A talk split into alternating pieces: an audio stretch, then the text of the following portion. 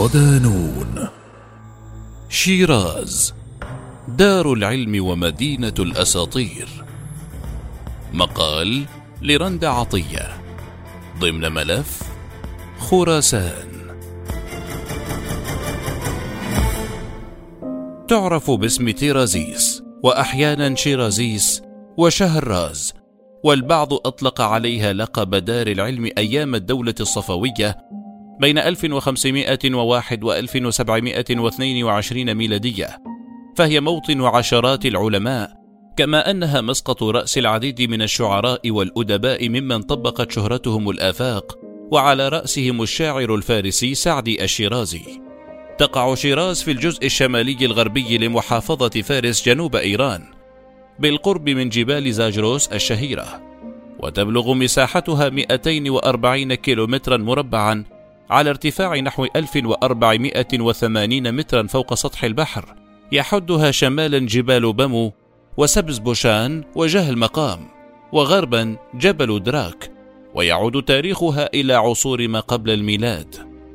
ظلت لمئات السنين عاصمة للعديد من الحضارات التاريخية مثل الدولة الصفارية والدولة البويهية والدولة الزندية ووثقت النقوش القديمة التي تعود لأكثر من أربعة آلاف سنة جذورها الضاربة في عمق التاريخ وتشير بعض الروايات إلى أن مؤسسها هو الملك الفارسي الأسطوري طهموث بنت الملقب بمقيد الشياطين الذي شهدت في عهده المدينة أزهى عصورها. يقال إن المدينة سميت على اسم نجله قبل أن تتعرض للهدم والتدمير حتى جاء الفتح الإسلامي عام 650 ميلادية ليحييها حضاريا وثقافيا مرة أخرى فماذا نعرف عن شيراز العلوم والأدباء؟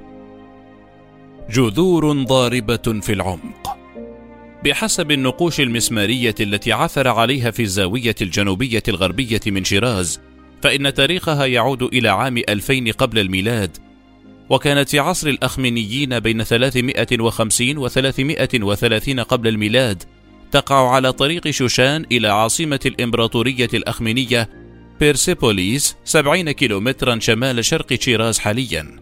ومن الروايات المؤرخة لتلك المدينة أن عثر بها على أقدم نبيذ في العالم يعود لقرابة سبعة آلاف عام حين تم اكتشافه على جرار زراعي.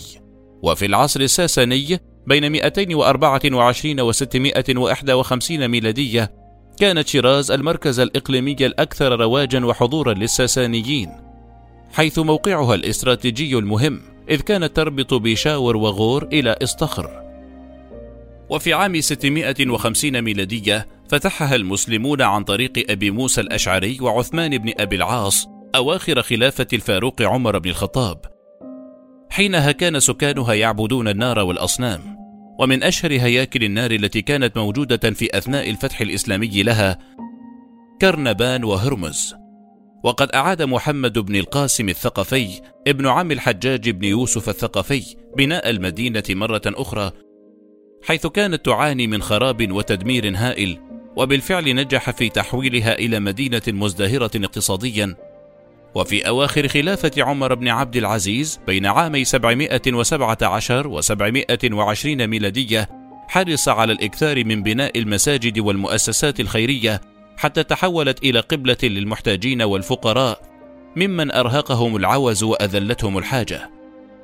ومع تأسيس طاهر بن الحسن أحد قادة الخليفة المأمون دولته المستقلة ذاتيا شرق بغداد عام 822 ميلادية واتخاذ يعقوب بن ليث لشيراز عاصمة له بعد أن استولى على مقاطعة سجستان عام 867 ميلادية عاشت المدينة أزهى عصورها المعمارية حيث بنى بها عشرات المساجد والمدارس ودور العلم وكان أول مسجد بني بها هو المسجد القديم عام 894 ميلادية.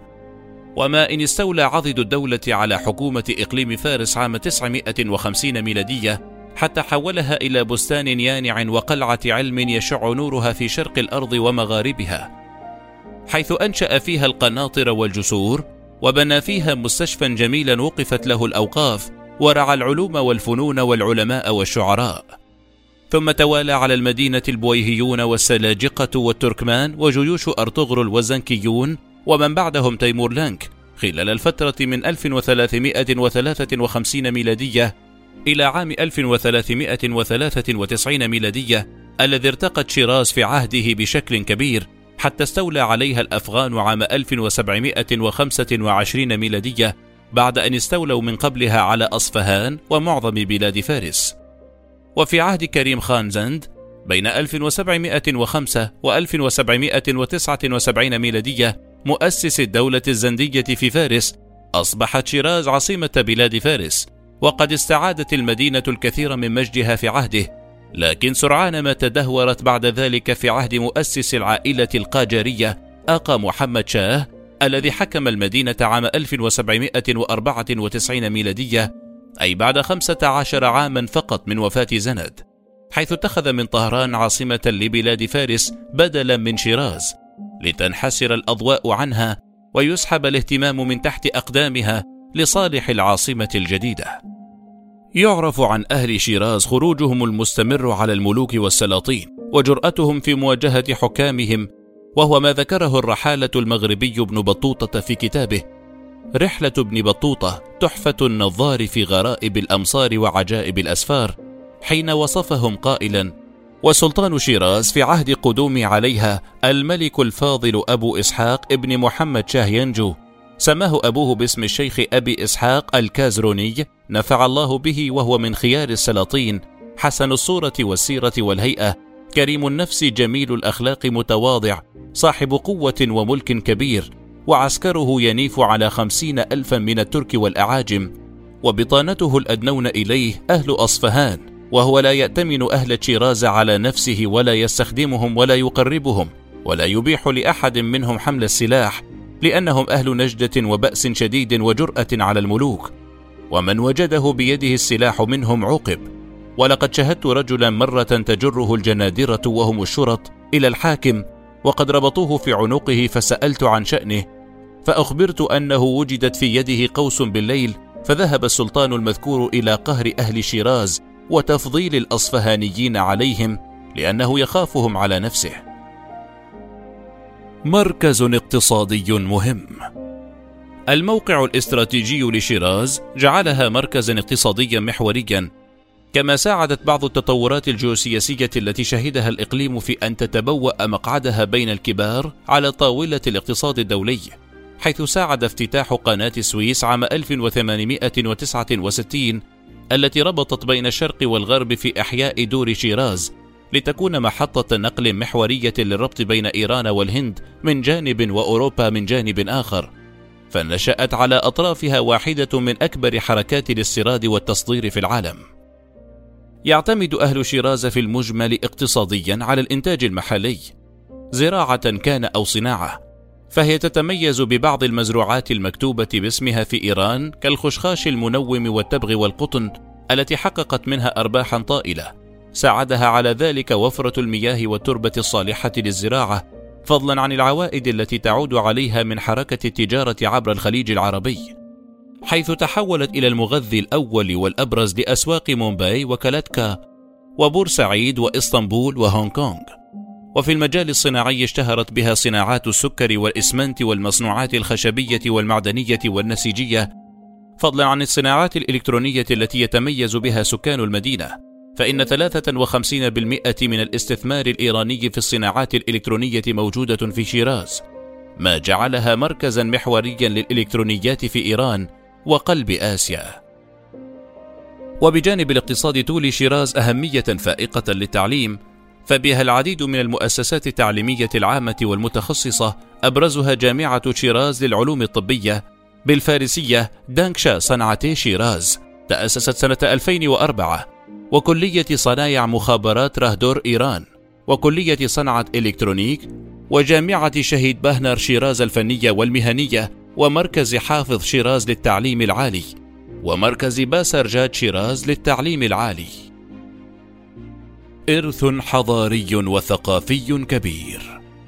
تتمتع شيراز بإرث حضاري نتيجة الحضارات المتعددة التي تعاقبت عليها ومن أبرز تلك المعالم الخالدة حتى اليوم مدينة باسرغاد التي تقع في مقاطعة سعادة شهر على بعد 87 كيلومترا شمال شرق بيرسوبوليس وكانت أول عاصمة للأخمينيين في أيام كورش الكبير سايروس الذي بناها عام 546 قبل الميلاد.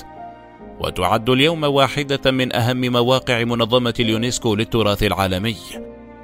هناك أيضا بيرسوبوليس تبعد 70 كيلومترا شمال شرق شيراز وهي عاصمة الإمبراطورية الأخمينية بين 550 و 330 قبل الميلاد وتعرف باسم تخت جمشيد أي عرش جمشيد أو فارسي ويعود تاريخها إلى 515 قبل الميلاد وقد تم إعلان تخت جمشيد كموقع للتراث العالمي. علاوة على متحف بارس أحد أهم المتاحف التاريخية في شيراز الذي دفن فيه الإمبراطور كريم خان زند ومن أبرز المعالم الأثرية نقش رستم الواقع على بعد 12 كيلومترا شمال غرب مدينة بيرسوبوليس الأثرية بالقرب من إسطاخر وشيراز. ويحتوي على قبور أربعة ملوك من ملوك فارس هذا بخلاف حديقة أرم التي تحوي جميع أنواع الأشجار بالعالم بألوانها وأشكالها الغريبة ويوجد بها قصر للشاه. ومن أقدم المعالم بوابة القرآن التي تعود جذورها للأزمنة القديمة وتقع على بداية طريق أصفهان وأجري عليها العديد من عمليات الترميم خلال عهد خان زند وبنيت فوقها غرفة صغيرة وضع فيها القرآن وكانوا يتبركون بها في حماية المارة من الحوادث والشرور. دار العلم لقبت شيراز بدار العلم لكثرة المدارس والمؤسسات التعليمية المنتشرة بها، فكانت قبلة دارسين من شتى بلدان وسط آسيا، وأهلها ذلك لتخريج عشرات العلماء والعباقرة من مختلف مجالات العلوم. ومن أشهر المدارس القديمة التي حوتها المدينة مدرسة الخان التي يعود تاريخ بنائها إلى عام 1615 ميلادية ومدرسة أقبب خان والمدرسة المنصورية ومدرسة الحكيم ومدرسة السيد علاء الدين حسين ومن أشهر من ترعرعوا في شيراز وملأوا الأرض بشهرتهم الشاعر والأديب الفارسي الشهير سعدي الشيرازي أحد أكثر كتاب الفرس شعبية والمصنف كأحد أبرز الشعراء القرسطيين الكلاسيكيين نشأ وتوهج في القرن السابع الهجري وعاصر بعض الأحداث السياسية المؤثرة التي شكلت شخصيته وكان لها أثرها في كتاباته وإبداعاته ومن أبرزها معاصرته لغزو المغول لخوارزم. ما دفعه للرحيل إلى الشام ومصر والأناضول. من أشهر أعماله الشعرية ديوان بوستان المكتوب بالفارسية ويبلغ أكثر من أربعة آلاف بيت من القصص المنظومة المقسمة إلى أبيات التي من خلالها يروي حكايات بديعة سامية عن إحدى المدن الفاضلة. كذلك ديوان كالستان المكتوب عام 1258 ميلادية وهو عبارة عن الحكايات والمواعظ التي تمزج بين الشعر والنثر. وكتب بالفارسية والعربية كما ترك ديوانا صغيرا آخر بالعربية قوامه 35 قصيدة وغزلا ومقطعة في 374 بيتا. ترجمت لغاته إلى عدة لغات منها العربية والهندية والتركية كما ترجمت إلى الفرنسية واللاتينية والألمانية والهولندية والإنجليزية. ويذكر أن ديوانه بستان وصل أوروبا في القرن السابع عشر الميلادي. وأول ترجمة أوروبية له كان بالهولندية عام 1688 ميلادية.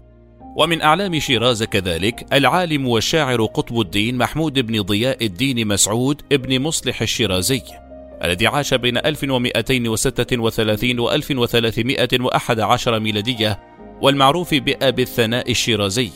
وقد تعلم الطب على يد والده وعمه ثم تتلمذ على يد نصير الدين الطوسي وكان له دور كبير في علم الفلك والرياضيات والطب والفيزياء ونظرية الموسيقى والفلسفة والصوفية.